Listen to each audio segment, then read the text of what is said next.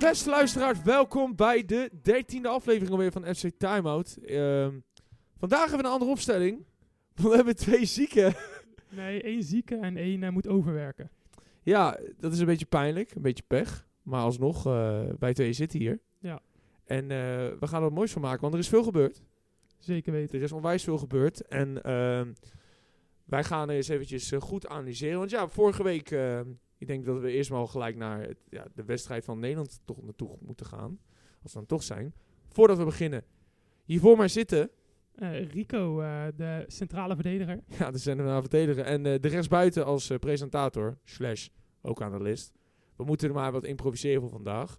Maar er was inderdaad veel gebeurd. Hè? De bekerfinale was er inderdaad. Ehm, Rico, als jij een cijfer moet geven. Wat geef je de bekerfinale over het algemeen? Als je dan even in een, in een normaal aspect zou Een moeten twee. zeggen. Een 2. Ja, een 2. Oké, en, en waarom een 2? Nou, het voetbal was niet mooi. Er waren alleen maar opstootjes ook. Eh, ja, het, het was gewoon niet om aan te zien. Gewoon heel die wedstrijd was niet om aan te zien. Het was echt een verschrikkelijke wedstrijd om Ja, naar het te was kijken. echt eh, een vreselijke wedstrijd. Zoals we het de laatste tijd wel gewend zijn van Ajax en van PSV. Dat, eh, dat zeker, ja. Ik, ik, ik heb me echt onwijs aan die eh, wedstrijd zitten irriteren ook. Ehm geloof ik was 17 minuten, was geloof ik de allereerste kans. Ja, kan zoiets. Dat was ik de allereerste kans in de buurt van PSV. ja, het is echt... eh, ik, vond, ik vond het eigenlijk bijna een schande voor Nederlands voetbal. De eerste helft hebben ze allebei alleen maar lange ballen gedaan. Lange ballen gauw thuis in de hoop dat dan de spits het duel zou winnen en door zou koppen. Nou ja, dat ging echt verschrikkelijk de eerste helft. Het is sowieso, eh, het, alle, het- zeg maar, elk, elke topwedstrijd dit jaar, in de, ook in de Eredivisie, ook in de beker, tussen de Nederlandse voetbalploegen zijn allemaal echt zo slecht geweest. En dit was dan nog het toppunt van allemaal, maar eh, ja, het, is- het is gewoon echt niks. Het is gewoon allemaal, allemaal niks. Het was... eh, Je, je merkt ook gewoon de twee ploegen die eigenlijk niet echt in vorm zijn. PSV de laatste tijd wel maar wat meer, maar allebei zijn ze gewoon niet in hun vel zoals vorig seizoen. En dat zie je gewoon echt compleet terug in zo'n wedstrijd als deze. het was echt... eh, het was echt heel slecht. Ja, Echt. Ah, Ik, ik, nou ja, kijk, ehm daar hebben we het natuurlijk over de opstootjes, de hele sfeer om heel die pot heen. Nou, daar, kan je natuurlijk een paar goed noemen. Ja, ik heb me bijvoorbeeld, persoonlijk echt onwijs geïrriteerd aan Tadic, aan Klaas, maar ook Luc de Jonger, Savi Simons met een, eh met een huilenbalk gezicht de hele tijd. Ehm, het was echt, op dat gebied vond ik het wel echt eh, enorm tegenvallen. Maar ook bijvoorbeeld, iedereen was heel irriteerd. Bergen was heel erg geïrriteerd. Weiler de inval vond ik echt eh, heel geïrriteerd invallen. Jordan These was ook, voelde zich ook geloof ik een mannetje. Ramallo, maar ook Alvarez. Ja, wie was... Ja, er was eigenlijk eentje op het veld. eh, buiten dan die twee keepers om. Want ja, die hebben eigenlijk niet heel veel natuurlijk hoeven doen. Vond ik Joel Hato nog wel de meest coole op het veld, leek wel. Ja, Joel Hatel, die bleef wel rustig. Maar ja, die, die doet gewoon zijn ding. Die wil gewoon zijn wedstrijdje spelen. En die, eh, die vindt zich nog niet een mannetje natuurlijk. Nee, tuurlijk, maar die bleef wel in, in heel veel situaties, waardoor hij ook natuurlijk met Bakayoko vaak in het duel kwam, eh, bleef hij wel cool. Hij bleef Ja, Hij, hij ging niet mee in het fanatisme, noem ik het dan maar. Het fanatisme slash eh, irritatiegedrag. en niet tegen het irritatiegedrag. Maar hij was wel heel fanatiek in het eh, wedstrijd willen winnen. Nee, Want Hij tuurlijk. deed wel hard zijn best. Nee, tuurlijk. 100%. Alleen het gaat er maar meer om van... Als ik dan naar Tadic kijk, die gewoon meer ruzie heeft zitten maken. Klaassen die alleen maar zitten rollen of, of, of, of trappen uitdeelden. jouw Berghuis, jouw Bergwijn. Dus zo kan ik ze natuurlijk allemaal opnoemen. Maar ik bedoel, Hato was wel eentje die, wanneer het duel kwam of wanneer er wat gebeurde, hij bleef daarna gewoon cool, pakte de bal op en ging weer verder. Probeerde nog het spel een beetje te versnellen.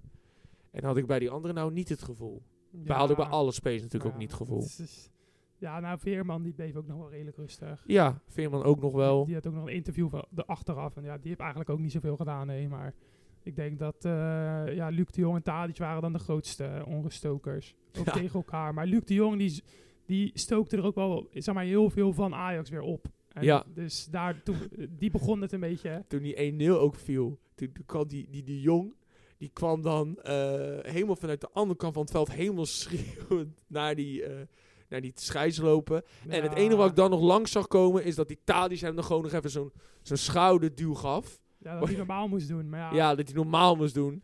En, en toen brak alles ook weer helemaal uit. En toen ging geloof ik weer vanuit de twee uh, trainersvakken gingen ze bijna ook weer met elkaar op de vuist. Ja, het was niet best.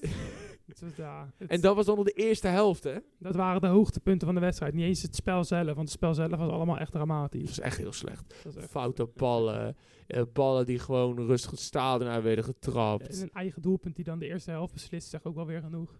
Ja, die, die met van richting veranderen. Want geloof ik, als Bergwijn, eh, als hij niet van richting werd veranderd, had hij of op de paal geweest of die keeper had er nog Ja, aangeraakt. dan was het, dat, we weten het natuurlijk nooit, Nee. maar het was, dan was het wel 50-50. Dan was het niet sowieso een doelpunt geweest. nee, dus dat, dus die jongen Maar inderdaad natuurlijk daardoor aan. telt hij natuurlijk ook als eigen goal. Nee, tuurlijk, Want zeker weten. telt hij gewoon als goal voor Bergwijn. Dan ga je naar de tweede helft toe.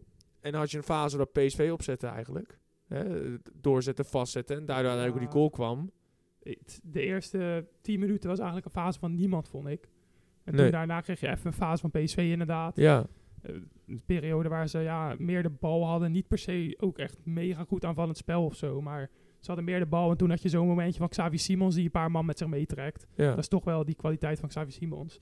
En die legt hem mooi af. En de invallen Hazard die, eh, die schiet hem er zo in. zeker. Maar eh, ja, puur door die kwaliteit van Xavi Simons scoren ze daar. Want voor de rest was het echt ook niet om aan te zien. Nee, En eh, ja, daarna was het spel ook gelijk weer dood aan allebei de kanten eigenlijk. En heel de verlenging ook.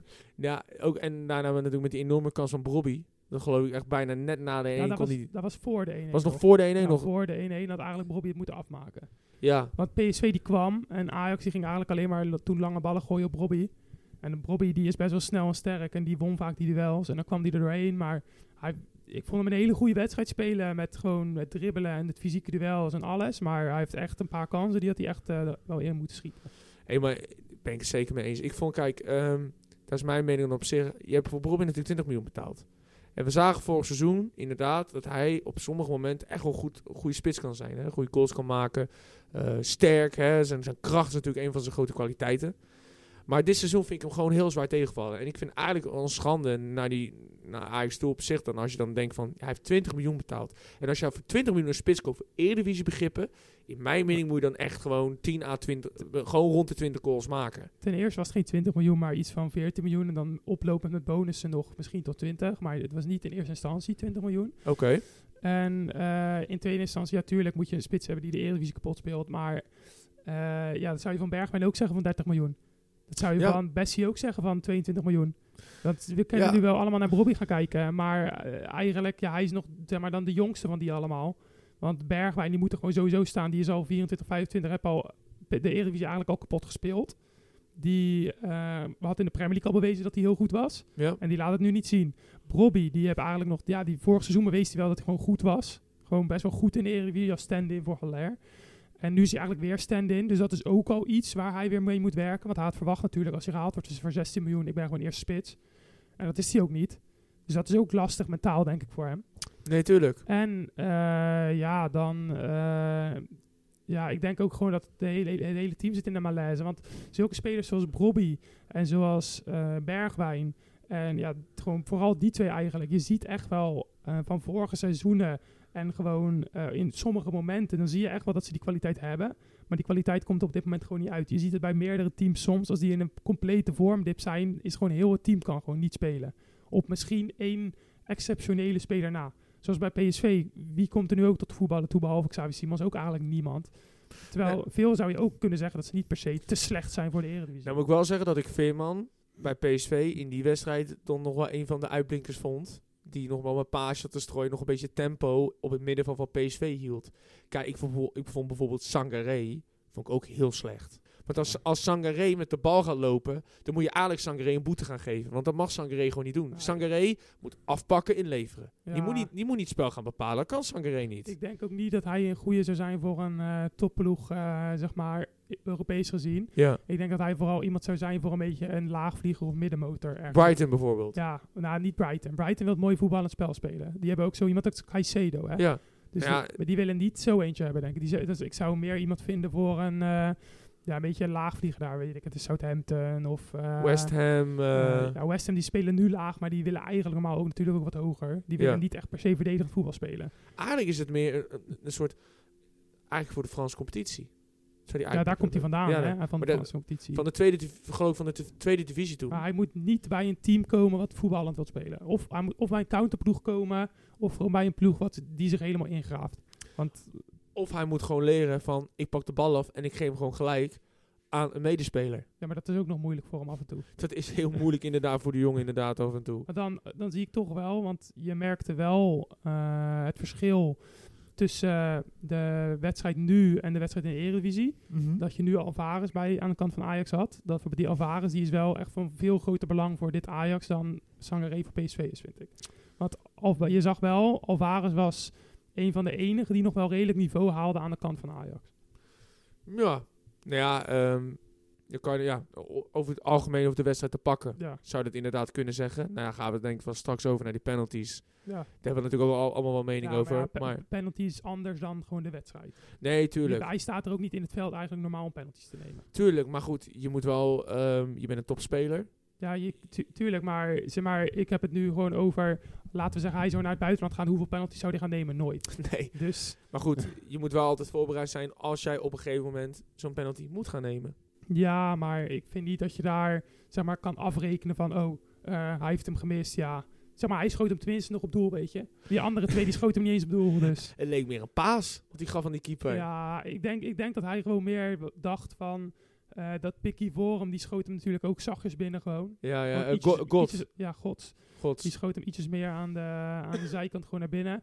En die andere twee voor hun, dus Timber en Bobby, die dachten, weet je wat, we gaan lekker eh, het stadion uitschieten. Ja. Dus toen dacht hij, ja, als die gods het op die manier kan, dan kan ik het ook op die manier. Maar ja, dat, dat werkte niet. En Maar maar kijk, dan kijk je naar die wedstrijd 120 minuten lang. Nou, na 110 minuten is er bijna niet meer gevoetbal, want iedereen had kramp. ja, iedereen De laatste 10 dood. minuten was gewoon iedereen kramp, iedereen was kapot. En als ze de bal hadden, dan uh, hoopten ze eigenlijk van, joh, zullen we maar zo snel mogelijk wegschieten. Want ik wil hem eigenlijk zo min mogelijk bij mijn eigen goal vandaan hebben. Ja. Iedereen zat al eigenlijk te smeken van, joh, fluit er maar af. We willen al door naar de penalties. En dan gaan we naar de penalties. En dan is hij net zo schrikbarend als de wedstrijd zelf. Want er werden Ja, een partij penalties slecht. gemist. Dat is echt heel slecht. Die had uh, Tadic, scoorde hem nog aan het begin. Aan het Ja. begin scoorden ze allebei nog. Tadic en voor PSV, wie was de eerste? Ik weet niet eens meer. Ehm, Maar PSV die scoorde ook een eerste. En eh, ja, daarna toen ging het eigenlijk alleen maar slecht. Uh, Roelie had nog een mooie redding op één zo'n penalty. En, uh, Ja, van, van geloof ik van Ramaljo. Ja, die had hem nog mooi gered. En daarna, ja, Sangaré, die schoot hem ook gewoon natuurlijk keihard op de paal. Ik had het gewoon... eh, het- ik, ik weet niet wat het is, maar... Soms kun je aan een lichaamstaal zien van een speler... dat hij totaal niet comfortabel voelt dat hij een penalty neemt. Soms, dat, dat kan je op een manier zien. Ik zag bij Bobby al aan de aanloop... en aan de manier hoe hij die, die bal neerzette... dat hij heel wild ging schieten. Dat zag je ook, want hij schoot gewoon bijna het stadion ja, uit. En Sangaré deed het idem dito, hè? Die Ja, ook heel wild. Van Robbie wist je sowieso, hij had al een paar kansen gemist. Hij, zeg maar, normaal is hij juist de spits die moet afmaken. Hij had al een paar kansen gemist. Hij was al helemaal verrot die wedstrijd, want normaal speelt hij nooit zo lang. Ja. Hij heeft 120 minuten gespeeld. En hoe, lang is nou, zeg maar, überhaupt? Hij speelde heel lang geen 90 minuten de hele tijd voor Ajax. En nu speelt hij 120 minuten. Die jongen was helemaal verrot. Die wist al eigenlijk, die was al waarschijnlijk slecht in zijn vel, omdat hij die kansen had gemist. En dan gaat hij nog een penalty nemen als tweede jaar. Ja, ik, ik vind wel kracht dat hij daar gaat staan en die penalty gaat nemen. Maar ja, weet je... Maar voor- neem hem dan rustig een hoek in. Ja, neem hem dan rustig een hoek in. Dan is hij misschien toch net niet te cool in zijn hoofd om dat dan te kunnen bewerkstelligen. Ja, want ja, ik, ik snap niet waarom als je überhaupt onder druk staat, dan moet je die bal gewoon met je zijkant, de binnenkant van je voet nemen. Dan moet je hem nooit gaan, zeg maar, eroverheen gaan proberen te schieten of hoog de lucht in gaan proberen te schieten. Ik denk dat je hem juist altijd eigenlijk rustig moet blijven. Zeg maar, dan kan je zo hard schieten als je wilt op zich. Als je met je binnenkant van je voet schiet. Nee, nee, ik, eh, dan, dan gaat hij nooit de lucht in. nee, ik ben helemaal, ik ben het er helemaal mee eens, ja. Ja, Dus op zich, ja, ehm, nou, de penalties waren ook echt verschrikkelijk om naar te kijken. ja, En uiteindelijk, eh, dan hoor je van de woorden van Heitinga, nou ja, de, de gelukkige wint dan maar. Maar ik blijf altijd wel van mening van, ja, als jij ooit naar een finale gaat en je moet altijd rekening houden met allemaal verschillende scenario's. En een van die scenario's dat kan zijn, is penalties. Ja, maar ja, ze hebben allebei eigenlijk slecht de penalties genomen. Dus Nee, het is, tuurlijk. eh, zeg maar, Heiting gaat niet getraind. Daar werd door op de, in de media best wel hard op, ja, best wel hard op neergekeken dat hij niet had getraind op penalties. Maar ik denk niet dat PSV ook heel veel heeft getraind op penalties. Want bij PSV ging het ook dramatisch slecht. Nee, maar dat is het grappige, want Van Nistelrooy heeft geloof ik niet die vraag gekregen. Nee, ik denk het ook niet. Maar Want, want hij kreeg die vraag Ja, gelijk. En, en, en toen met die, omdat ze natuurlijk verloren hadden. gewonnen. Dus dan Ja. denken ze, ah joh, dat boeit niet meer. Dan, als ze dan aan hem die vraag stellen, dan zegt hij, ja, boeit niet, hebben gewonnen. Dus Ja, dat hij altijd. Maar ja, ik kan eigenlijk wel heel erg benieuwd willen zijn. joh, Had, had Van Nistelrooy nou ook op penalties geoefend? Ik ben wel ik, benieuwd. ik, ik denk het niet. Als je het zo zag, dan denk Ja. je het niet. Maar ja, weet je wat het ook is? Je kan oefenen wat je wilt. Maar op een gegeven moment, als je de verlenging doorheen bent, dan zijn er al zes, zeven wissels geweest. Ja, Dan heb je alleen nog maar mensen op het veld staan die eigenlijk normaal nooit penalties nemen. zeker weten. Want bij Ajax had je bijvoorbeeld alleen Tadic eigenlijk die normaal penalties neemt. Robbie kan je misschien ook nog wel zeggen. Die zou nog wel normaal een penalty moeten kunnen nemen. Maar voor de rest niet. En bij, ja, bij PSV waren ook eigenlijk de beste penaltynemers al weg. Want Ja. Luc de Jong die stond er niet meer op. eh Xavi Simons stond er niet meer op. eh, ja, dus dat, bij je Ajax had je een 17-jarige gast die die moest nemen. Die uh, Gods. Ja, god. Dus Die, die nam wel die- cool. Hij scoorde hem wel. Maar ja, dat was, dat was gewoon puur binnenkantje voeten. Heel zachtjes geschoten in een hoek. Ja, maar ja. niet. Hij bleef wel cool. En hij deed Ja. het wel. En eh, zijn teamgenoten, sommigen deden niet. Ja, dat wel. dus dan kan je ook wel weer zeggen van, nou ja, dat zo'n 17-jarige jongen dat doet.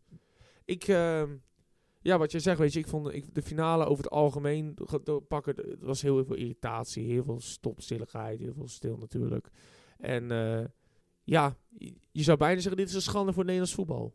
Ja, maar dat, zeg dat vind ik eigenlijk heel het seizoen al. Gewoon elk, elke topper in de Eredivisie ook. Ik vind het allemaal schande tegenwoordig. Het is echt... Ajax en PSV zijn echt dramatisch slecht dit seizoen. En eh, ja, Feyenoord doet het dan wel nog goed, ook Europees. En AZ doet dan Europees ook wel goed, maar in de toppers zijn ze ook Zijn niet per se AZ is goed. over het algemeen gewoon wisselvallig, maar ja. maar het- ik weet niet. De hele, de hele Eredivisie is best wel redelijk, redelijk naar beneden gegaan dit seizoen, vind ik. vind je in, in veel aspecten. Ja, in, in veel aspecten. Ja. Vooral ook omdat die, die, zeg maar, Ajax is die goede trainer kwijt. PSV, die is hun, ja, gewoon echt een top, top speler. Gakpo kwijt en Madueke. Ja. Dus je merkt dat wel echt heel erg in de kwaliteit van de Eredivisie. En toch vind ik dan knap, want eigenlijk hebben ze hun twee topspelers verkocht door financieel nood. Ehm, en we zullen straks verder nog gaan even op, de, eh, op een financiële analyse, maar ook de selectie van PSV en ook voor misschien volgend seizoen. En toch, eigenlijk is het dan Xavi Simons die eigenlijk de car trekt en waarschijnlijk PSV misschien nog wel naar de tweede plek pusht. Wat ik overigens wel heel knap vind, Als- als dat lukt. Als PSV nu gewoon de beker dus hebt gewonnen en dan de tweede plek zou binnenhalen, wat nog niet zeker is Nee, natuurlijk. tuurlijk. Maar als ze hun ook de tweede plek binnenhalen, dan hebben hun voor hun doen gewoon een goed seizoen gedraaid. Dat hun doel eigenlijk, zeg maar, als je aan het begin van de Eredivisie zou zeggen, dan zou denk ik het doel van Ajax geweest moeten zijn. Kampioen worden. Ja, eigenlijk gewoon alles winnen en doorkomen in de Champions League, normaal. Of dan ver komen in de Europa League. Eh, ja, dat is dus compleet gefaald. Dan had PSV waarschijnlijk als doel gehad. Ja, die willen wel kampioen worden, maar die snappen ook wel normaal gezien dan dat Ajax dan nummer 1 zou moeten zijn. Omdat die gewoon veel groter, veel groter bu- budget hebben. Als je, als Ja, je kijkt, dan, ja, als je kijkt aan het begin van het seizoen, helemaal terug. ja, toen, toen aan het begin van het seizoen, toen ze heel die selectie Ja, hadden wat, ja, gekocht. wat de verwachtingen waren, zeg Ja, maar. tuurlijk, ja, ja. Dan Dus had, had dus je dat verwacht, Dan ja. had PSV van tevoren wel gezegd, oh, als wij tweede worden, we winnen de beker. En eh, ja, Europa hebben ze dat niet zo goed gedaan. Maar als ze Nee. tweede worden en de beker winnen, dan hadden ze aan het begin van het seizoen hadden ze gezegd, daar tekenen we voor, denk ik. Juist. Dus zeg maar, op zich heeft PSV zou dan nog best wel een goed seizoen hebben op zich. PSV heeft een prima seizoen Ook, uiteindelijk. ook al hebben ze Gakpo en Madueke verkocht. Wel echt slecht voetbal, maar ze hebben dan wel nog redelijke prestaties neergezet. En ja, Ajax is gewoon dramatisch en Feyenoord heeft gewoon ver boven verwachting gepresteerd. Gaan we straks nog verder op dan. Dan ga ik wel gelijk door naar het vraagvuurtje. Ja. Ehm, want over PSV en Ajax gaan we na het vraagvuurtje even verder op in. Ehm, nou ja, zoals u weet, ik heb, eh, ik heb elf vragen. Ehm, en ik ga daarnaast heb ik ook nog wat spuk, eh, met stukken met betrekking tot eh, wat selecties. Ja. Maar- Dus even naar de eerste vraag toe. Hè? Je mag alleen antwoorden natuurlijk op ja of nee. Ja. Ehm 8 miljoen voor is veel te veel geld. Nee. Oké. Ik, ik ben het ook redelijk wel met je eens. AZ gaat niet verliezen in Amsterdam. Mm, ja. Mac Allister zou een aanwinst zijn voor Liverpool. ja. Ja. James Mulder is een aanwinst voor Brighton. Nee. Ja. Messi is, is niet slim geweest om twee weken zijn eigen vakantie in te plannen. Nee. Ehm Marouane Assakan zou een goede speler voor FC Twente zijn. Mm, ja. Denk ik ook wel. Stijn Spierings en Branko van de Bomen zou voor PSV top aankopen zijn. Gokje? Mm, mm, top aankopen, nee. Goede aankopen, ja. Oké. Dus, nee, ja. Younes de van Pek Zwolle zou een stap naar de subtop slash top van de Eredivisie makkelijk aankunnen. Een heel groot talent van Pek Zwolle. Wie zei je? Hoe heet hij? Younes Taha. Ah. Naar de top van de Eredivisie. Subtop slash top. Dus dan pak ik AZ en Twente ook ik wel zou bij. eerder subtop dan. Je zou eerder subtop dan zeggen. Dus je zegt dan ja. ja. Oké. Borussia Mönchengladbach zou een uitstekende stap zijn voor, Pa- prof- zo, voor Pavlidis van AZ. ja. Ik denk het ook wel. Gijs Smal, linksback van FC Twente, zal een mooie stap gaan maken naar buisland. Aankomende transperiode. Nee. Ik denk van wel. En, en daar gaan we denk ik straks verder op. PSV zal een selectie gaan bouwen om Simons heen komend seizoen om zo hoog oog te gaan gooien in Europa. Ja. Ik denk het ook. Want waarom ik die laatste vraag zeg. ehm, bij de bekerfinale hadden ze nog een interview met eh Anne Stewart, de nieuwe technisch, technisch man van PSV. En die heeft eigenlijk aangegeven dat er een grote schoonmaak door de selectie heen zal gaan. Bij wijze van spreken zullen Jordan These, eh Torgen Hazard, Joel Drommel, Kjell Peersman, Philip Nwene, Ramaljo, Baumgartel, Gutierrez, Sangaré, Fabio Silva en Salvio vertrekken. Nou, maar Sangaré zal dan wel vertrekken voor een groot bedrag. Zeker. Eh, maar de rest zal eh, allemaal niet zo heel veel opleveren, denk ik. Vooral ook veel van de bank. En de spelers, eh, ze willen ook vooral nu gaan doorselecteren. Er zijn twee, drie spelers van jong PSV die wel tegen de deur aan te kloppen zijn. Ook dat respectje die nu bij Sparta speelt, die Sambo. Die is ook verhuurd van PSV. Die speelt nu best wel een redelijk goed seizoen op bij Sparta. Dus de kans misschien ook wel dat hij de kans krijgt. Ehm, nou, wat ik eigenlijk al zei. Eh Stijn Spierings, op dit moment in statistieken een van de beste balveroveraars van Europa. Wordt genoemd bij PSV. Is ook aankomende zomer transfervrij. Nou, misschien een goede vervanger voor uh, Sangaré bijvoorbeeld. En Branko van der Bomen is meer een type veerman. En die is ook aankomend seizoen transfervrij. Zijn vader is een groot PSV-fan. En eh, er worden zelfs door heel veel spelers al aangekaart van... joh, wij zouden heel graag... spelers, ik bedoel vooral fans... Bram van de, Bram, Branko van der Bomen bij PSV willen zien. Dus er is wel redelijk veel interesse ook van PSV naar Branko van der Bomen toe.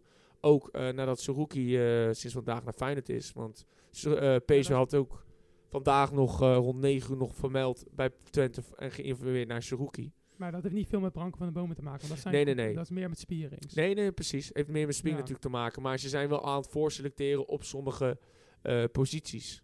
Maar ja, ik denk ook dat ze niet alleen maar naar Nederlanders moeten kijken. Ik denk ook dat ze Nee. gewoon moeten gaan scouten naar andere nationaliteiten. Zoals veel Zuid-Amerikanen. En dat, want wat Sangaré wel brengt, zeg maar, hij is geen Zuid-Amerikaan, hij is weer een, hij is een Afrikaan, maar eh, hij brengt wel een beetje pit, zeg maar, in de selectie. En als je dat gaat missen, dan moet je wel eigenlijk ook een beetje iemand met pit terug gaan krijgen.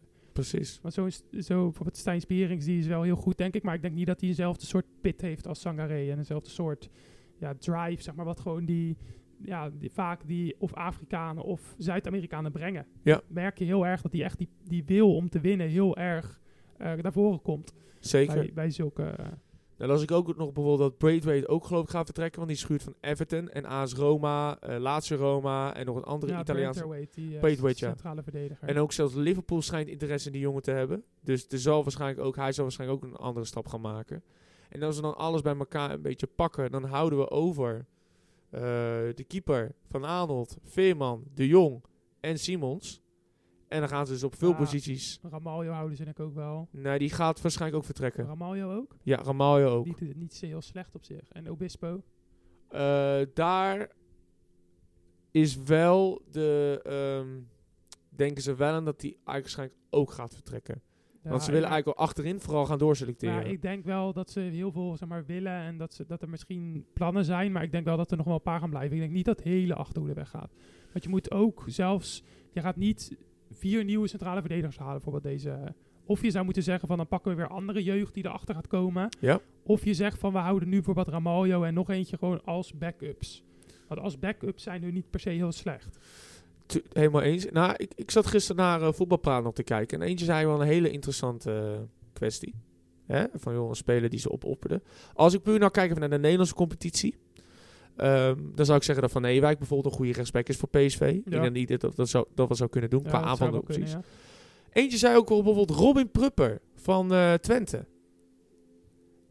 En dat vind, ik, dat vind ik eigenlijk een hele gewaagde. Want ik denk niet, ik, ik weet niet dat hij dat zou kunnen. Is al, is al op leeftijd, 21 jaar. Ja, ik denk dat dat uh, al wil je Champions League niveau aantikken, zeg maar. En Ja. wil je echt de Champions League in, is dat niet het niveau wat je wil nastreven, denk ik. Want het is niet iemand die, ja, het is, dan zou ik hem meer misschien als derde centrale verdediger erbij halen. Niet als basisspelende, zeg maar. Want hij gaat je niet echt in de Champions League tegen de echte topploegen. Dan zie ik hem niet het doen, zeg maar. Ik zie hem niet tegen een geweldige spits, zoals weet ik het. Dat je sowieso maar tegen City kunnen ook tegen Haaland of zo. Dan zie ik hem helemaal afge- afgemaakt worden gewoon. ja, en ik denk oh, als je ja. gewoon echt misschien goed scout en een centrale verdediger haalt uit, dus weet ik het, uit een ander land. Of misschien wel e- weer e- zo eentje als die Branterweight. Want die Branterweight vind ik bijvoorbeeld wel, ja, Brentwood, ja. ja. ja, die vind ik best wel een goede eh, centrale verdediger. Als je zo, weer zo een soort eh, type haalt, die kunnen wel die andere flinke spitsen ook aan, zeg maar. Perfect, perfect. En ik denk dat Prupper, Prupper is wel goed voor de Eredivisie, maar ik denk dus niet Europees dat je niet heel ver met hem gaat. Ik denk ook niet dat hij inderdaad... Ik denk dat, ik denk dat Pruppen ook gewoon bijvoorbeeld een mooie stap naar buitenland zou, bijvoorbeeld zou moeten maken. Nou, ik zou hem gewoon bij Twente laten. Ik denk dat hij daar heel goed op zijn plek zit. Hij, zit, hij is daar gewoon goed. Hij is niet per se de uitblinker van Twente. Hij is gewoon een goede speler daar. Ja, En eh, ja, voor de rest, ja, waarom zou je daar weg willen? Hij doet het best. En goed punt, ja. Ja. Want Van Arnold, eh, die blijft. Die hebben ze ook nog met een jaar kunnen verlengen... dat hij in totaal van twee jaar gehuurd wordt van... eh, van Galatasaray. Ja, Want werd ook, Gijs Smal werd ook gewoon genoemd. Maar dat vind ik wel bijvoorbeeld een linksback. Daarom heb ik hem ook genoemd in het vraagvuurtje. Een linksback met potentie. Die heeft zich wel de laatste twee jaar onwijs goed ontwikkeld. Ik denk dat hij nog wel als een stap zou kunnen maken. Een stap hoger. Ik denk dat, dat, dat die jongen dat nog wel aan kan. ja, kijk, ik zou, zie hem wel aankunnen om een stap hoger op te gaan. Maar dan zou ik inderdaad voor bijvoorbeeld hem zeggen van bijvoorbeeld naar PSV of zo, nog niet naar buitenland. Ja, ja, Want die ja. jongen die zit pas één seizoen echt vol bij Twente eigenlijk te spelen. Zeker. En daarvoor heeft hij nog niet heel veel. Dus misschien is het zelfs nog beter voor hem om nog een jaartje even bij Twente te blijven. Want nu heeft bijvoorbeeld Twente heeft ook een iets mindere periode. En zulke dingen moet hij ook even meemaken. Dat ook Ja. gewoon dat je soms mindere periodes hebt. Dat je daar wel als een van de uitblinkers daartussen nog zit. Bij wijze Ja, dan moet je echt laten zien van ik ben degene die ook in deze malaise mij gewoon zeg maar goed blijft laten zien. Ja, Dus ja, dan eh, ja, dat speel ik wel zeg maar meer nog dan zien van hem. Voordat hij echt ja, PSV zou kunnen. Want dat, ik vind zeg maar, het is wel een stap, hoe heet die? een stap hogerop sowieso. ja, ja. Maar het is niet zo'n flinke stap van oké, we gaan ook echt naar eh, het buitenland. We gaan, dus je, dan moet je gaan verhuizen, dan moet je ja. eh, taal gaan leren, dan moet je daar gaan. eh, eh, ja, dat is wel een flink grote stap zeg maar naar het buitenland. Zeker. Voor hem denk ik. Dus ik ben wel, ik, ik denk dat ze wel, eh, dat PSV wel aardig wat. Eh, Ja, PSV gaat sowieso een grote schoonmaak doen. Maar Ga- ik denk dat, dat is ook wel goed, denk ik. Ik denk dat PSV wat sterker gaat worden als ze met een goede scouting en met een goed spelers, eh spelersindicatie daarmee dus wel gaan, gaan komen natuurlijk. Wat voor spelers, als je nou nog in Nederland kijkt, zou je nou denken van dat zou nog wel een aanwinst zijn voor PSV bijvoorbeeld? ja, wat je zei, bijvoorbeeld eh, van Ewijk of zo. Ja, van Ewijk. Ik denk dat dat wel een goede Dat zou is wel zijn. een goede. Ehm, ja, voor de rest. Ik ja, eh, van AZ, maar dat is moeilijk, want AZ Ja. is een beetje hetzelfde niveau. Dus ik Ja. weet niet of ze spelers van AZ zouden kunnen, zeg maar, zouden kunnen krijgen. Dat is het meer een beetje. Ik denk inderdaad wat jij zegt. Ik denk dat dat is eh, het moeilijke nu. Zeker, ik denk alleen dat Ajax en misschien wel Feyenoord ook, doordat ze misschien Champions League halen, dat het interessanter is voor een speler van AZ. Ja, Alleen kan Feyenoord het bijvoorbeeld echt neerleggen om 20 miljoen neer te leggen voor bijvoorbeeld Reinders. Zouden ze dat aandurven? Dat is de vraag. En, en wilt AZ, ja, AZ, dat 20 miljoen zouden ze daar, maar ik bedoel bijvoorbeeld een Carlson of zo, die zouden ze niet eens verkopen, denk ik, aan een, eh, aan een Nederlandse ploeg. nee, dat denk ik eigenlijk ook niet, nee. Voor PSV dan, ja, het, ik denk buiten AZ, dan zijn er wel een paar leuke spelers. Maar eh, ja, als je iemand wilt die er gelijk, zeg maar, echt eh, kan gaan uitblinken misschien, dan zou ik een beetje ergens anders gaan scouten. Want de Eredivisie zelf is natuurlijk niet echt een topniveau.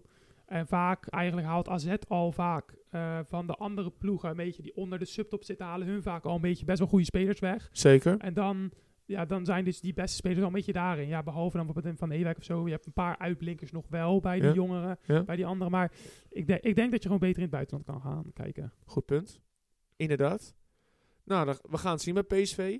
Dan wil ik ook even over Ajax hebben. Hè, want bij Ajax wordt eigenlijk vooral verwacht dat Alvarez, Timber en Kudus zullen gaan vertrekken. Er zullen waarschijnlijk misschien ook wel wat spelers eh, vertrekken. Want jij zei ook dat de Michilat. Die zei ook maar dat er eigenlijk echt vijf spelers zijn dat Ajax waardig Ja, is. hij zei drie, vier à vijf spelers. Drie, vier à vijf Drie, spelers. vier à vijf.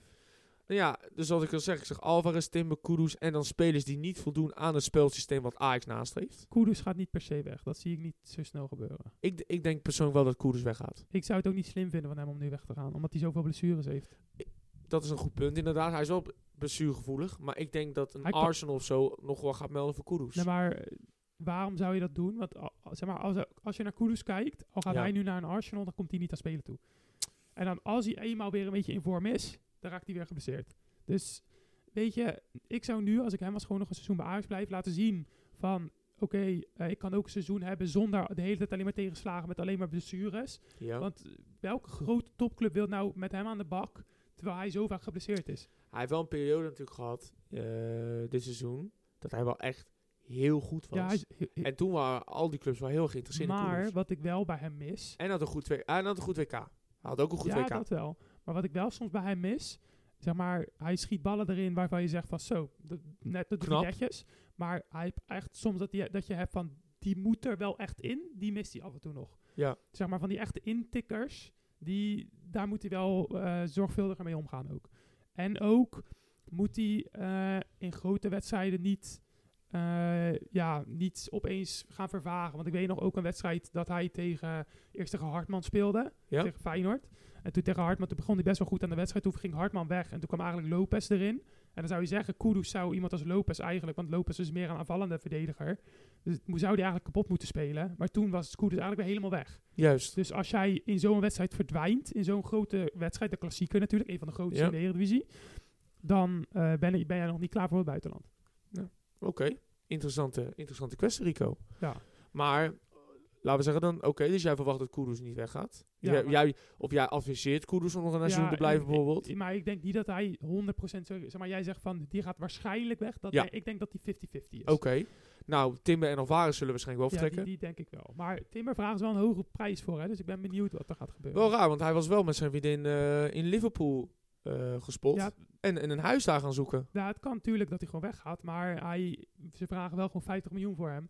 Dus wilt iemand dat nu nog betalen voor hem? Want Dat is een vraag, want hij heeft wel minder seizoen. ja, maar je zag bijvoorbeeld wel weer eh, in de wedstrijd tegen PSV, vond ik hem ook niet per se heel slecht. Ik vond hem nog wel oké, zeg maar. Je, je zag hem ook heel vaak dat hij degene was die nog als enige verdediger af en toe indribbelde en echt iets probeerde. Hij is de enige die voetballende verdediger, zeg maar. Zeker. Want eerst de, vonden mensen ook heel erg natuurlijk over Martinez. Van ja, gaat hij dat wel halen in de Premier League? Gaat hij dat wel halen hier en daar? Maar je ziet wel, hij en Martinez waren eigenlijk een soort gelijke verdedigers. Martinez heeft dan wel iets meer die pit, zeg maar. En Timber is iets verfijnder. Maar eh, ik vond hun allebei eigenlijk een beetje van hetzelfde niveau toen bij Ajax. Allebei waren gewoon echt heel goed. En eh, echt heel goed in de bal ook. En ja, maar voor wel iets kleiner. Maar ja, bij, ik denk dat Timber gewoon net zoals Martinez, als hij naar buitenland gaat, dat hij gewoon zich daar kan laten zien. Ik denk dat hij wel. eh, ik denk wel dat er een ploeg gaat komen die het in hem gaat zien. Maar Dat denk ik ook wel. 50 miljoen gaat wel nog lastig worden. Dus als die drie weggaan, en Die, wat, wat voor spelers verwacht je nog dat bij Ajax zullen gaan vertrekken dan? Als je nu dan kijkt. Gewoon zeg maar van die ze weg moeten doen. Ja, Ja, bijna alles. bijna alles en dan. Ik- Maar denk je ook dat, dat, dat, dat bijvoorbeeld eh, Klaassen, als er vervangen genomen gaat worden, dat Mm. Berghuis misschien weggaat? Is Nee, dat zou, Misschien Tadic zelfs? ik, ik zou zeggen van eh Berghuis zou je er sowieso bij. Die heeft, eh, hoeft niet eens voor de basis per se, maar gewoon, eh, die moet zich ook gewoon op, weer opnieuw bewijzen, weet je. Maar die kan op veel posities uit de voeten. Je kan hem op cam zetten, je kan hem op rechtsbuiten zetten, je kan hem op middenveld zetten. ja. Tadic, zelfde reden, zou ik er ook nog bij houden. Die kan je op veel posities uit de voeten laten komen. Dus niet eens per se voor de basis, maar gewoon als, misschien zelfs als relatiespeler. Ehm, ja, dan zou ik gewoon, eh, ja, even kijken van, ja, al die trainers die zeggen nu van Wijnal dat hij eigenlijk te slecht is. Maar ik zou hem wel houden en dan misschien gewoon een andere hele goede linksback kopen dat ze gaan concurreren met elkaar. Dat je kan zien van wie nou de beter is. Rechtsback moeten ze sowieso eh Sanchez gewoon wegdoen. En ja, een capabele rechtsback halen. En, maar Rens moet je wel nog houden, maar ja, die is gewoon te veel geblesseerd.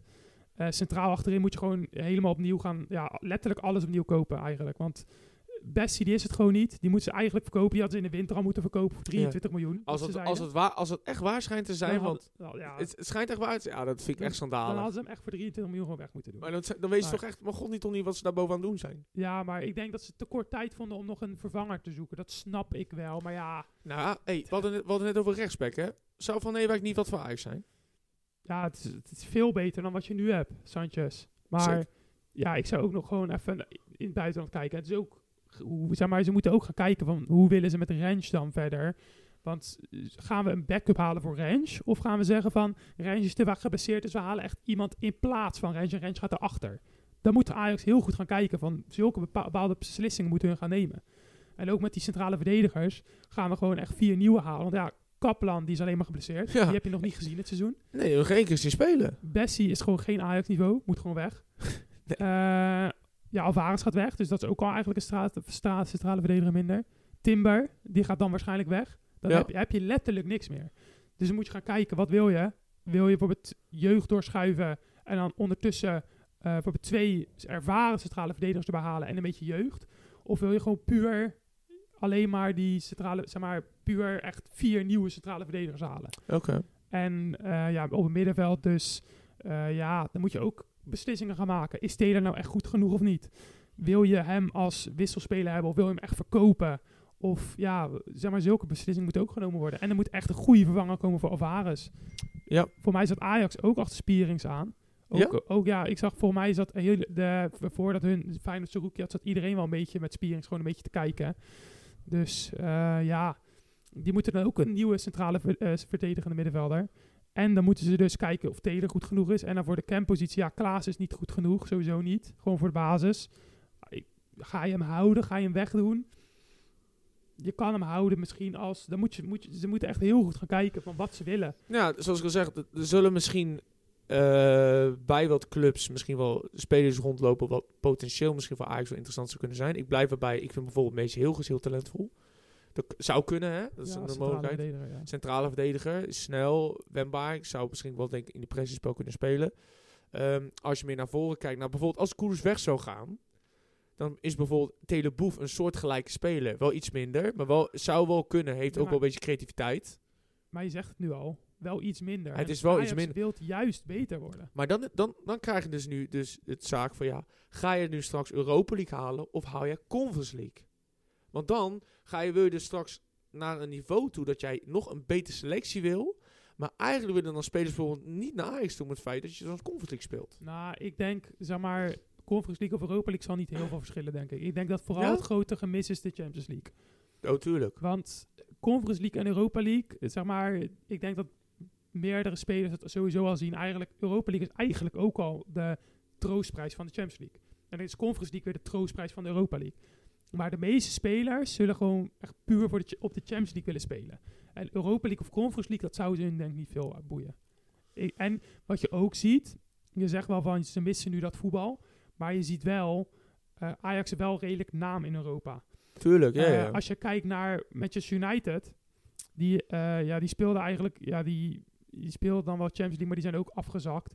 Maar eh, Martinez en Anthony, die wisten bij Ajax kunnen ze gewoon ook makkelijk Champions League spelen, maar dan gingen ze ook naar United. ja, maar, Zonder dat ze überhaupt Champions League. maar aan de andere kant, hè, United speelt natuurlijk in de Premier League. En daar is het bijna elk weekend bijna Ja, Champions League, ja, om het zo maar te zeggen. Ja, Klinkt wel raar, ja, maar, niet helemaal. maar de top 4, top 5 ploegen spelen over het algemeen of spelen altijd in elkaar op een soort Champions League niveau. Laten we het een beetje daarop Ja, houden. als jij gaat kijken naar Zuid-Amerikaans voetbal, die lui die willen wel heel graag in de Eredivisie spelen. Tuurlijk, maar dus- dat is dan weer vaak Europees. Ja, omdat het dan Europees is. juist. Dus dat is voor hun weer zo van... Dan denken hun, dat is altijd Champions League eigenlijk een soort van. Want als hun hier naartoe komen, dan, dan vinden hun dat al geweldig, gewoon überhaupt. Ik denk dat wij over het algemeen natuurlijk in Nederland gewoon een heel goede naam hebben gemaakt op het gebied van opleidingsland. Ja, ook. Als je, ik denk ook dat bijvoorbeeld, eh, als Ajax weer de Braziliaanse markt op gaat, want ze hebben ook buitenspelers nodig, Ja. dat dan, dan kan je wel zien van David Neres, die speelt nog steeds redelijk op bij, bij, bij redelijk niveau, bij Benfica. Eh, Anthony, die is naar Ajax gegaan, die, speelt, speelt hij geweldig bij United. Eh, ja, eh, eerst, eerst ging bijna Richarlison nog bij Ajax, die is niet gegaan dan, Ook maar... die, eh, die Chales, die eh, Mexicaanse linksbuiten, die uiteindelijk toen naar Etche ging. Ja, eh, ja, en je hebt dingen, hoe heet die, uh, Jiménez, eh maar het is niet gebast, ja, maar je hebt ook, Ja. zeg maar, gewoon uit heel Amerika. Ook Zou- gewoon Zuid- Zuid-Amerika. Zuid- Zuid- en Midden-Amerika. Jiménez, die speelt nu in de Eredivisie, doet goed. Pacquiao speelt in de Ere- Eredivisie, maakt een beetje naam. Dus je hebt wel heel veel wat je daar vandaan zou kunnen halen misschien. Zeker. Van eh, wat weer, want eigenlijk in het seizoen dat eh, Ajax zo goed was, en nu ook, Feyenoord is best wel goed, veel Zuid-Amerikanen die het gewoon ook uitblinken. Zeker, maar het, het, het ding met Zuid-Amerikanen is, is natuurlijk, ze zijn heel talentvol. Hè? Ze hebben een soort hè, een bravoer, hebben zij. Hè? Natuurlijk, hè, de, de samba of vooral de Zuid-Amerikaanse eh, power. Alleen het ding is vaak is dat sommige spelers het heel lastig vinden om zich uiteindelijk te adapteren hier in, in Nederland bijvoorbeeld. Het heeft ook met het weer te maken, Ja, het begin- eten. aan het begin wel, ja. aan het begin wel, ja. Dat kost, soms kost ze maanden. Hè. Je hebt spelers die hebben er soms een jaar voor nodig. Je hebt de spelers die er bijvoorbeeld maar een paar weken voor nodig hebben. En die er gewoon de eerst volgende wedstrijd te staan. Snap je? Dus Ja, ja. het verschilt natuurlijk per speler en hoe die speler natuurlijk als persoonlijk is. Je had bijvoorbeeld, je had vroeger die natuurlijk die verhalen dat, ehm, was ik Ronaldo, hè, Braziliaans Ronaldo, die dan bij PSV speelde. En eh dan zei die trainer er wel eens van, nou ja, ik zag dat Ronaldo een beetje in de dippie zat. Of een beetje, ja, niet lekker op zijn vel voelde. Zei van, nou ja, liet ik hem even een paar dagen teruggaan naar zijn thuisland. En dan kwam hij weer helemaal opgefrist en weer helemaal vrolijk weer terug. En hij ging weer als de brandweer in het veld. Soms hebben die spelers dat wel een beetje nodig. Ja, het is logisch, want het is hier een heel an- ander klimaat. Hele Ja. andere sfeer ook. Want je hebt daar natuurlijk een hele andere cultuur gewoon überhaupt. Eh, ja, het is logisch dat veel van die lui hebben inderdaad, want Anthony had ook aanpassingsperiode nodig. Die BNS eigenlijk ook wel, want die was aan het begin ook niet zo goed. Die is nu veel beter dan dat hij aan het begin was. Nu vooral fit. Ehm Neres had toen ook eh, aanpassingsperiode nodig. Alvarez zelfs. Die speelt nu heel goed, maar die was aan het begin eigenlijk ook. Dachten ze van waarom, de, waarom hebben ze die gehaald? Eigenlijk had Chucky Lozano het ook wel een beetje. Alleen, Lozano, ja, beetje, maar die was wel redelijk snel, best Ja. wel goed. Eh, ja, dus maar elke speler heeft sowieso even aanpassingstijd nodig. Maar als je zo iemand in de zomertransferperiode aan het begin een beetje snel haalt, dan hebt hij al een paar, zeg maar, laten we zeggen twee maanden met oefenwedstrijden en met eh, gewoon aan het klimaat wennen. En dan ben je al een stuk verder in, zeg maar, hoe ver je wilt zijn voor het begin van het seizoen. precies. Ik denk dat ook PSV en Ajax gewoon snel moeten weten wat ze willen. En echt snel eh, dingen moeten gaan regelen. Dat ze gewoon in die voorbereiding al hele grote stappen kunnen gaan zetten. Nou ja, een goede TD zou waarschijnlijk al een aardige indicatie maken van, nou ja, luister, dit is dus waar wij straks gaan op acteren. Hè, op welk Europees platform, op, op Eredivisie platform. Dan zou je moeten kijken natuurlijk qua budget en qua spelers van, nou ja, eh, dit is het budget die we hebben. Als we dit budget hebben, dan zouden we deze spelers allemaal kunnen halen. En dan zouden wij, denken we, hopelijk eh, onszelf natuurlijk kunnen upgraden. Ik ben heel benieuwd. Ja. En met hetzelfde, hetzelfde bijvoorbeeld met Feyenoord nu. Feyenoord nu bijvoorbeeld nu als Riku gehaald, Van de Belt al gehaald. Eh Feyenoord verwacht de twee à drie spelers te gaan verkopen deze transferperiode. Verwachting is Kukcu en Getruiden. Ja, en ze moeten nog uitkijken dat ze hun manager niet verliezen. Want het, slot is, het blijft gewoon een grote kans dat Slot ook weggaat. Er bestaat een kans, alleen ik blijf erbij. Ik denk dat het niet gaat gebeuren. Ik las ook vandaag weer dat Tottenham eh, alles op alles nu gaat zetten op, op eh, Julian Nagelsman. Ja, maar als ze die niet krijgen, dan gaan ze weer alles op alles zetten op Slot. Eh, nou, dat, dat weet je niet. Want Dus- Pochettino stond ook natuurlijk nog op de lijst. Het zou kunnen als slot sowieso uh, prioriteit nummer 1 wordt. Ja, dan wordt het wel heel interessant. Ik- Alleen ik denk, ik blijf erbij. En ook als je nou ziet dat dat slot bijna al een jaar om Suzuki eh bijna, eh, eh, bijna zit te bidden. En hij uiteindelijk op zijn wenken daarmee ook bediend wordt. Zou ik denken van, nou ja, dit zou nu ook het moment moeten zijn dat slot denkt, nou, slotje krijg je spelers. Blijf dan alsjeblieft nog een jaartje. Ja, maar kijk, als bijvoorbeeld een Tottenham hem vraagt en hij komt daar, dan kan die nog een veel grotere spelers vragen, natuurlijk. Nee, tuurlijk. Maar ik denk, ik denk voor, voor hemzelf, ook met betrekking tot zijn familie. Want zijn familie zit natuurlijk nog, eh, zijn geloof ik zijn kinderen, die studeren geloof ik nu ook nog, zitten nog geloof ik nog op middelbare school. Ik denk dat hij nog een jaartje blijft. En dan gaat hij, als hij nou, als hij slim is en echt goed in zichzelf investeert. Ik denk dat hij, als hij goed, goede selectie krijgt. En hij gaat het goed doen in de Champions League. Ja, Dan gaat hij volgend jaar een nog grotere ploeg. ja, maar wat nou, laten we zeggen, hij heeft nu echt een goed seizoen gedraaid met Feyenoord. Gewoon boven verwachting, hè? Ja. Dus nu zit heeft hij wel de aandacht getrokken van best wel wat topclubs. Ja. Laten we zeggen, Feyenoord en eh nee, die? PSV en Ajax doen echt een grote rebuild. Ze hebben echt, ze investeren groots. Bijvoorbeeld Ajax krijgt een nieuwe manager, bijvoorbeeld, laten we zeggen Bos. Ja. En eh, Ajax en PSV die gaan volgend seizoen echt goed draaien. Ja. En dan gaat Feyenoord het heel lastig krijgen misschien. Zeg maar wel lastiger dan nu in ieder geval. Dan, dan, dan gaat het vooral om de Maar- top 3 gaat het gewoon een strijd worden. Ja, maar ja. Feyenoord gaat Nee, maar- ook zwaar ja, investeren. tuurlijk, tuurlijk. Maar laten we zeggen, in zo'n seizoen kan het zomaar zijn dat Feyenoord dan derde wordt. Als ze echt met z'n drieën weer gaan strijden. Dat zou Dat kunnen. kan. Dat is Ik zeg, Ajax kan ook derde worden, PSV ook. Maar dan kunnen ze alle drie weer derde worden. Als ze weer allemaal gewoon op goede sterkte zijn. Als, als hij dan derde wordt. En bijvoorbeeld je hebt een hele moeilijke Champions League pool. Je vliegt er snel uit. Omdat je bijvoorbeeld, laten we zeggen, je krijgt een Champions League pool met eh, Real Madrid en Manchester City of zo.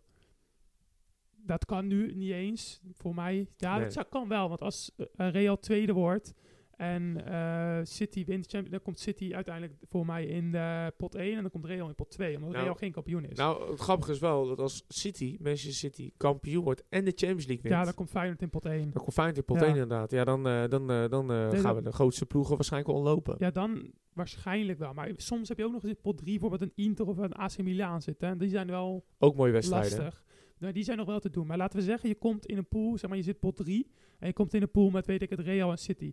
Dan is de kans heel klein dat je natuurlijk doorgaat in de Champions League. Tuurlijk. Maar, zeg maar, dus als je zo'n seizoen hebt, laten we zeggen slot, dus je wordt dan derde en je ligt snel uit de Champions League omdat je een moeilijke loting hebt. Ja.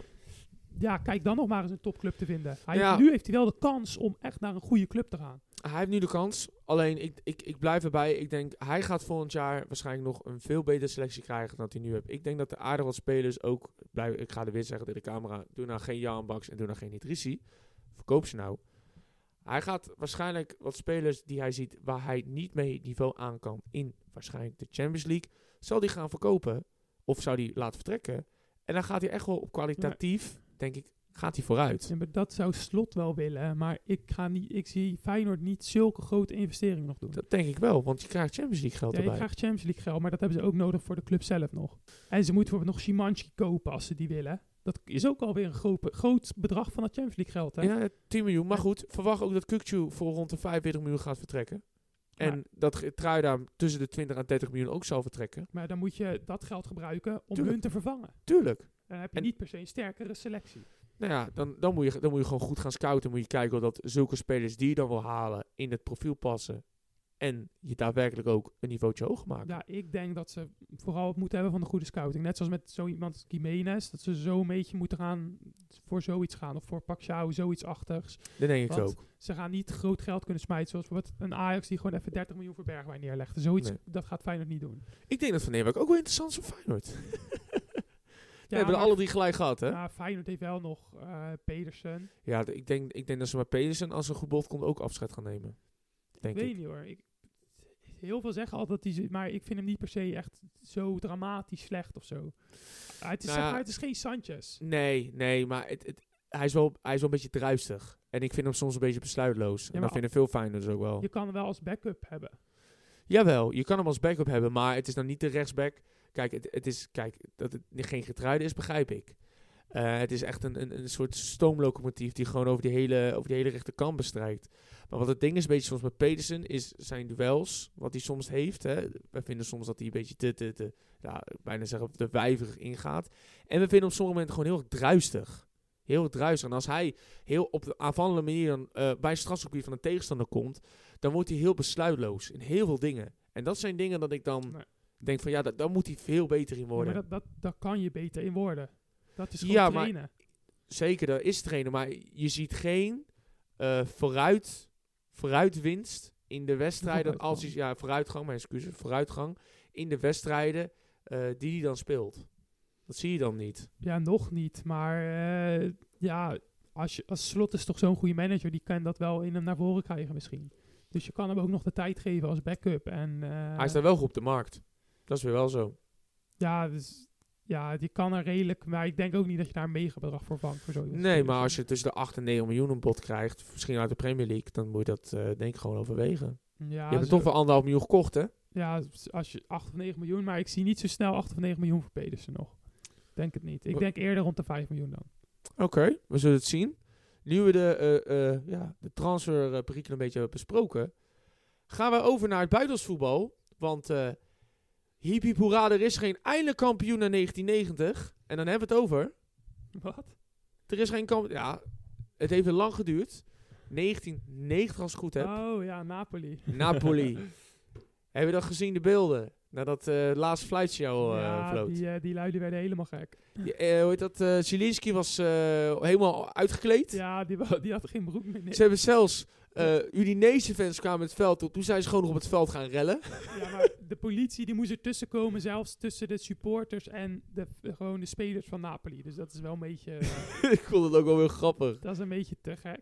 Ja, En bizar. ik las ook iets over dat er een man overleden was, een 26-jarige man, tijdens de feestviering. Nee joh. Dat zag ik ook voorbij komen, een nieuwtje. Dus ze, zijn wel Ja. aardig gek gegaan. En ik zag ook iets voorbij komen met dat ze een... eh, die fans van Napoli die hadden een graf gemaakt voor zeg maar, alle andere ploegen van de Serie A.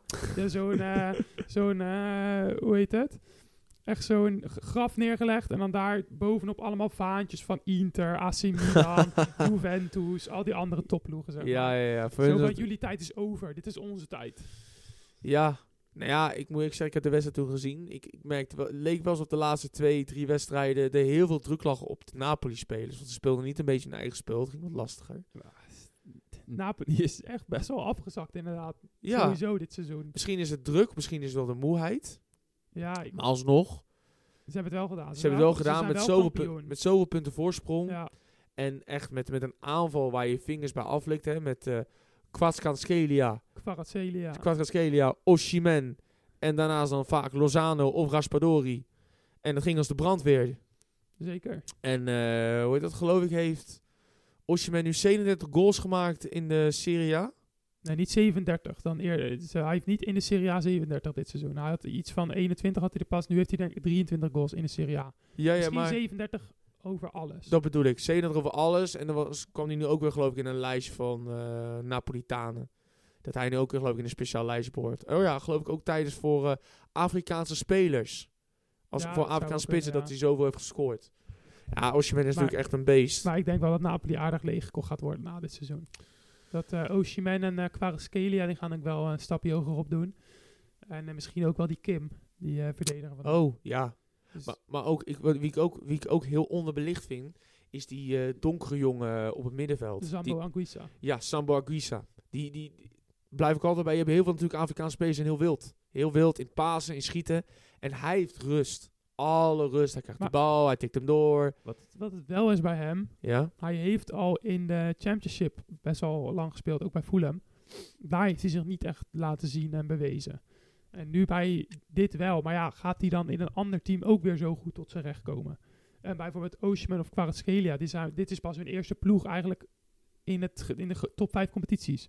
ja. Dus hun kan je echt nog sowieso gaan proberen van, oké, maar bij Sambo Anguissa weet je dus, die is ook al wel ietsjes ouder, Sambo Anguissa. ja. En je weet dus van, oh, in de, bijvoorbeeld in de championship speelde hij ook wel oké, maar was hij niet per se de grote uitblinker. Nee, precies. Dus dat, dat wordt nog, die, ik denk dat zo iemand wel bij Napoli zou kunnen blijven gewoon. Ja, dat is natuurlijk de vraag van, nou ja, gaat die eigenaar nu veel meer investeren in Napoli? Hè, dat zou natuurlijk ook kunnen. En dat ze die spelers willen houden en nog hoge ogen willen gooien volgend seizoen. Want eigenlijk hebben ze heel klein geïnvesteerd. Maar ook niet met een heel groot budget. En ja, zo goed natuurlijk doen. En met die trainer natuurlijk met Spalletti, met heel mooi aanvallend voetbal. Zie je wel mooi hè, dat het de laatste jaren, dat het Italiaanse voetbal is meer aan het veranderen naar een aanvallende speelstijl. Wat je vroeger eerder had met, eh we gaan, eh, we komen het strafgebied niet meer uit. En elke bal die we wegtrappen vonden die sports prachtig.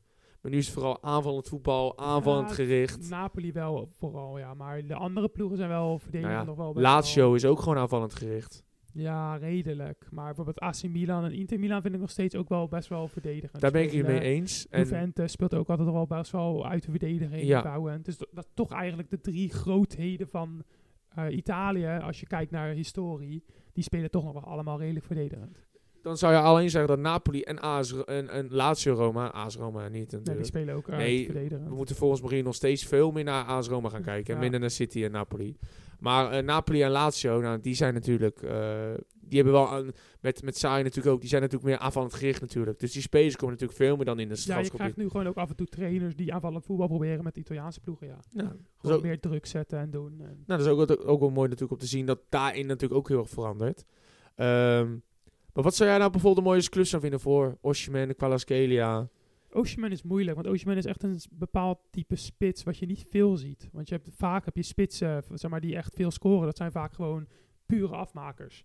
Maar Osimhen is meer gewoon een... Ja, hij kan rennen, hij kan dribbelen, hij kan schieten. Maar hij is niet een afmaker puur zang, zeg maar. Ja. En, ook niet echt iemand eh, die fysiek een beer is of zo. Maar ehm, ja, Hij is bloedsnel. hij is bloedsnel, hij kan goed dribbelen en hij Ja. kan gewoon goed afmaken. Maar niet, zeg maar, exceptioneel afmaken of zo. Eigenlijk is hij de Ik weet niet. ideale spits voor Bayern München. Ik weet het niet. Ik denk dat hij de ideale spits voor Bayern Ik, München ik is. denk dat Bayern München meer eer weer zo'n Lewa moet hebben. Dan zou je eerder Dus moeten kijken. Kane. Ja, daar heb ik altijd... Ik heb altijd het gevoel dat als, Harry, als je Harry Kane uit de Premier League haalt... heb je niet de Harry Kane meer van dat, jij, dat je gewend bent. Ik Ja, heb het gevoel dat hij anders is. Kijk, bijvoorbeeld die, die jonge spits die bij eh, Atalanta speelt... Die, eh, ook, eh, die ook vanuit Scandinavië komt. Die kan is ook een jong talent. Die wordt een beetje vergeleken met, vergeleken met... Hij heeft wat trekjes van Haaland. Ja, heeft hij ook. Hoylund. Hoylund, Hoylund. Dat, dat is meer een soort Lewandowski-type-achtige spits. Ehm, ik, vind, ik denk ook dat je Mane hebt. Hè? Bij Bayern moet je hebt Mane, je hebt Sane met heel veel snelheid. Maar Mane gaat waarschijnlijk weg. Hè. Ja, ook door dat akkefietje met Sane toen. ja, door het akkefietje en nog een, er spelen nog wat meer dingen. Dus Mane is een redelijke kans dat hij weggaat van de Oké. zomer. Nou ja, laten we zeggen, eh, met, die aanval die ze dan hebben en dan met zo'n snelle spits nog bij. Ik denk dat dat heel erg zou passen. Ik, ik weet het dus niet helemaal. Ik, het zou kunnen, maar het is wel iets heel anders voor Bayern. Want Bayern is wel, zeg maar, dat met Lewa zag je gewoon dat het perfect werkte. Ja. En dat is gewoon een spits. Die kan gewoon mooie assistjes geven, mooie eh paasjes en zo. En Osimhen is meer niet per se van de slimmigheidjes van hakkie hier, hakkie daar. En eh, weet ik het, eh, ik kop hem er altijd even in. Hij is meer gewoon ook van het rennen en zo. Eigenlijk een soort Haaland, maar dan niet per se met de fysiek, maar dan nog meer snelheid. ja, precies. Dus ik, ik weet niet. Ik zou misschien, misschien zelfs wel bij United past hij wel aardig. Met, want die hebben, spelen ook vaak met Rashford in de spits. ja, En Osimhen is wel een soort eigenlijk Rashford. Niet per se die dribbel van Rashford, maar dan is hij nog sneller en nog wat langer en wat iets kopsterker dan, dan bijvoorbeeld Rashford. precies inderdaad. Dus misschien bij Man United zou die dan wel goed passen. Of ja, wie, wie zou je voor de rest nog kunnen noemen? Want City die hebben al een geweldige spits. Ja. Eh, Chelsea zou misschien kunnen.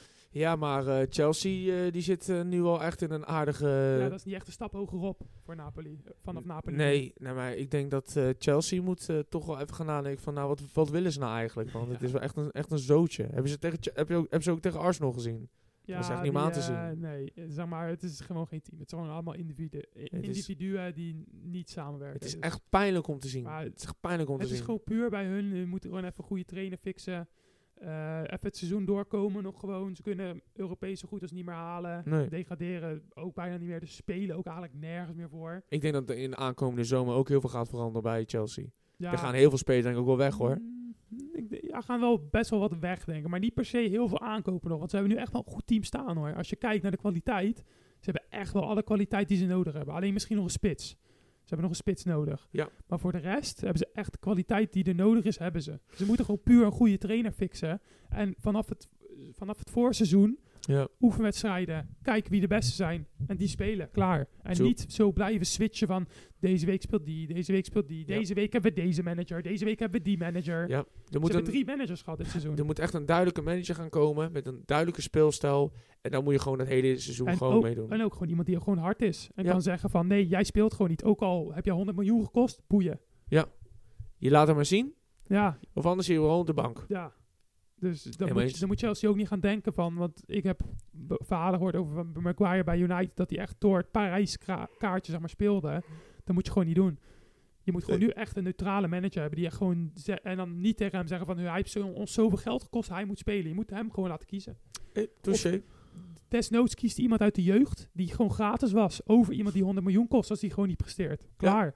Over het algemeen, hè, Premier League. eh nou, Chel- eh, Arsenal ging heel makkelijk over Chelsea heen. Hè, dat zagen we inderdaad. Eh, United won van Aston Villa Aston. Villa inderdaad. 1-0. 1-0. ja. Ehm, verwacht jij dat... je verwacht nog steeds ook dat City kampioen wordt, hè? Nou, ik weet het niet. Ja, kijk, Arsenal, dat ze van Chelsea zouden winnen, is wel was wat te verwachten. Ja. Maar ja, City, zoals als ze de vorm aanhouden die ze nu hebben, ja, dan zie ik ze niet snel verliezen. En ze moeten er, zeg maar, ze staan als ze gelijk staan in wedstrijden, staan ze vier punten voor op Arsenal. Dus dan, ehm, als ze er dan eentje verliezen, mag het zelfs nog. En ik zie Arsenal misschien ook nog wel punten verspelen, want die moeten nog tegen Newcastle en tegen Brighton.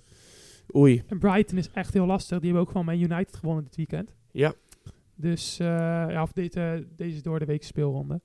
Eh, dus eh, ja, dat gaat, eh, dat gaat eh, lastig worden. Arsenal die moet dan en alles winnen. En dan moeten ze dus hopen dat City bijvoorbeeld twee gelijk speelt. Of één Ja. verliest en één gelijk speelt. Of maar ik zie het somber in. Ik, ik denk dat, Ar- dat City hem nu wel door. Ik denk, ik denk ook inderdaad dat City hem doorpakt. Dan... ehm, En wat denk je van eh Man United Newcastle? Gaan die de top 4 behouden? Ja. Nu Man U heeft wel weer eentje verloren natuurlijk. Nou, tegen Die Brighton. gaan, die gaan het wel behouden, denk ik, man. Als ik zag dat Tottenham, die is het ook helemaal kwijt. Tottenham nog ja, steeds. maar Liverpool die is wel weer redelijk. Liverpool is inderdaad wel aan het groeien. Dan pakken we er zeker toch wel even de stand erbij. Ja, die staan nu vijf punten achter Man United. En die hebben nog een wedstrijd meer, meer gespeeld wel dan United. Dus ze zijn Ja. wel redelijk ver weg. Maar als United er nu twee verliest, dan staat, staat Liverpool boven hun. Maar Wel met de wedstrijd meer, maar... Ja, ik zou, ik, zeg, ik zou zeggen, ik vind het lastig te zeggen. Ik denk alleen bijvoorbeeld ehm, dat als ik nu eventjes kijk naar ehm, met Liverpool natuurlijk met zoveel punten achteraan. Ehm, ik zou zeggen, als ik de wedstrijden nu eventjes hier zo bij me zie laden. eh, met West Ham, Wolves, Bournemouth, eh, Chelsea ook nog en Fulham. Ik denk dat, ik denk dat United dat we over de streep gaat trekken. Ja, ik zie, ik zie, Chel ik zie United Ja, Newcastle heeft ook nog wel moeilijk, hè? Newcastle moet nog tegen Arsenal. Dus... Inderdaad. Eh, Ehm, Liverpool heeft nog wel een klein kansje. Maar ik denk ook wel dat United en Newcastle nou, dat is eigenlijk, eh, als, het, als we het er toch over hebben, dat is zondag, hè? Newcastle Arsenal. trekken. Nou, ik denk ja. Ja, Newcastle Ja. Arsenal is deze zondag. En dan krijgt Newcastle nog Leeds, Brighton, Leicester en Chelsea. Brighton is ook Chelsea. lastig. Chelsea moet gewoon nog tegen bijna heel de top 4 nog. Chelsea, ja. Die gaan, het, die gaan bijna nog, nog 14, 15 En die eindigen. moeten tegen hun angstgekenen dit weekend. Bournemouth. Jezus. ja, het, het, het is zware, zware tijden voor Chelsea, voor de Chelsea-fans. Ja, Ehm, zeker. We zijn er bijna doorheen, Rico. Dan wil ik nog één vraag stellen, jongen. Jude Bellingham, Real Madrid. Dat is wel een aardige transfer. Dat is wel een goede transfer. Ik, maar ik denk dat hij gewoon een beetje zoals Kamavinga en Xiaomeni niet gelijk vanaf het begin alleen maar gaat spelen, maar dat hij gewoon rustig gebracht gaat worden. Dat hij gewoon rustig tijd gaat krijgen en af en toe een paar keer speelt en dan uiteindelijk een paar keer basis ook. En, Of hij gaat een hele goede voorbereiding draaien en hij wordt eh, een van de spelers. Ja, het ligt er ook aan hoe, wat de manager doet bij Real natuurlijk. Hè? Want Ancelotti is nog niet zeker dat hij blijft. Ja. Dus het ligt totaal ook aan de manager. Maar als Ancelotti blijft, dan denk ik dat hij gewoon een beetje rouleert met het middenveld. Zoals hij nu ook doet. Zeg maar, want die oudere Modric en Kroos die lopen natuurlijk nog heel goed. Maar het is wel fijn als bijvoorbeeld Modric, als je drie wedstrijden in een week speelt, dat Modric een van die drie ook gewoon even kan banken. En dat je dan bijvoorbeeld een Bellingham erin kan zetten. Dat is een overboden, dat is een geweldige luxe die je kan hebben dan natuurlijk. Je kan zeggen wat je wil van Madrid, maar eh, met zo'n middenveld, hè, we met Bellingham, met Tuchamendi en met Camavinga en dan nog Voor de toekomst. en- Valverde, hè, die daar Ja. ook dan nog op die positie wordt gezet. Ja, dit, dit, dit- de positie, ja. En ik denk dat ze op een gegeven moment ook aanvallend op zich ook nog aardig gaan versterken op een gegeven moment. Want je hebt natuurlijk Rodrigo Verle, maar ik denk dat er ook nog wat spelers achter gaan komen. En op een gegeven moment Benzema ook vervangen gaan worden. En eh, dan gaan ze ook waarschijnlijk voor een spits komen. Ja, zeker. Dus ik ben heel benieuwd wat ze daarmee Ja, gaan doen. Ze hebben Endriek voor de toekomst. Hendrik inderdaad, maar ja, je Haaland. voelt aan alles dat Haaland of Mbappé op een gegeven moment de next... Ik, denk- next ik denk dat Haaland meer bij Real past. Ik denk dat die, dat die inderdaad daar echt heel erg mooi zou Ja. passen, inderdaad. Maar ik, ik denk dat Mbappé zou in die spitsrol daar ook passen met, al die, met, die snel, met die andere twee snelheid daar was voorin. Ja, ik weet het niet. Ik, eh, ik vind Mbappé beter op de linkerflank misschien. Interessante Of kwestie. in een twee-spits systeem. Dat zou nog wel kunnen. Met, die, met Haaland ernaast. ja, Haal- ja dat, dat zou Real wel heel veel moeten spenden. En Ja. op zich, dat valt wel mee hoeveel ze uitgeven de laatste tijd, Real. Helemaal eens. Over Real Dus- gesproken, hè. Eh, voordat we het gaan eindigen, jongens. De Champions League begint weer deze, deze week. Met Real Madrid Man City en AC Milan Inter. Ja. Wat, eh, wat verwacht je, Rico?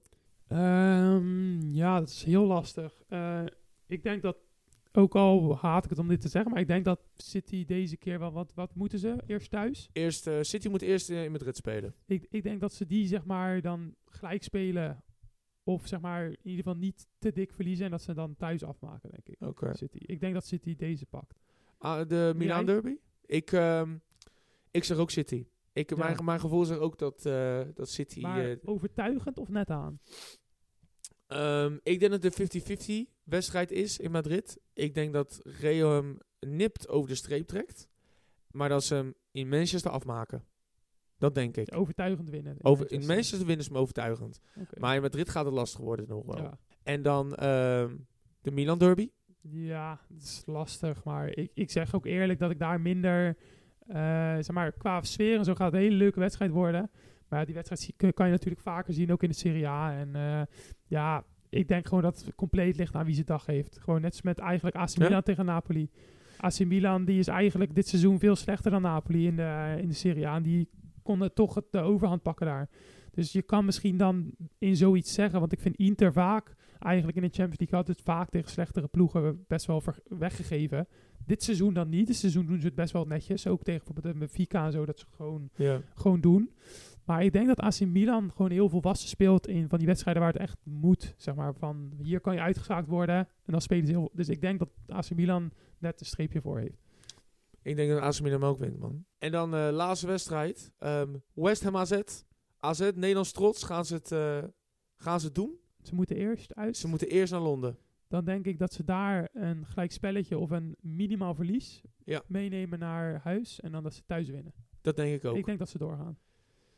als, de verlies, ik, als ze niet heel hard verliezen in eh, Londen, dan heb ik ook wel verwachting dat het AZ kan lukken om de finale te halen. Ja, ik zie ze doen. Dus ik ben heel benieuwd. En eh, dan de Europa League. Eh, AS Roma tegen Sevilla. Ja. En Juventus tegen... Nee, AS Roma tegen Leverkusen. ja mijn excuses. Juventus tegen Sevilla. Juve- Juventus tegen Sevilla, inderdaad. Ehm, ik denk dat Roma wint van Leverkusen. Ook Ja. al hoop ik een beetje stiekem Leverkusen. Ik denk dat AS Roma het, het flikt. En ik denk dat Juventus wel Sevilla pakt. Ik denk AS Roma en Sevilla. Ja? Sevilla, die, die, ook tegen United dacht ik ook, United gaat er zo overheen. Maar op een of andere manier is Sevilla in de Europa League gewoon niet te verslaan.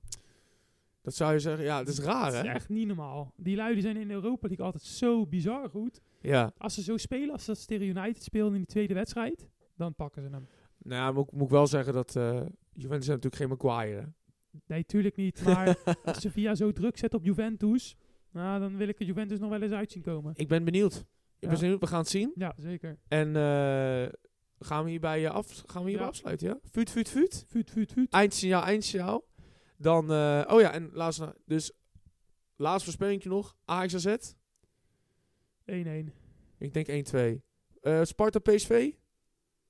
Mm, 2-1. Ik denk eh 2-0 PSV. En dan Excelsior Feyenoord. 0-3. Oké. 0-5. nee hoor. Eh, we fluiten hem af. We willen de luisteraars bedanken. En volgende week zijn ze dan allebei erbij? Ja, denk het wel. Moet wel gebeuren, hè? Ja, zeker weten. Anders trekken we Erik van zijn baan vandaan. en dan eh, geven, geven we aan een paar zitje molletjes. Komt goed. Komt goed, jongens. Nou, bedankt voor het luisteren. En eh, tot de volgende week. Tot ziens.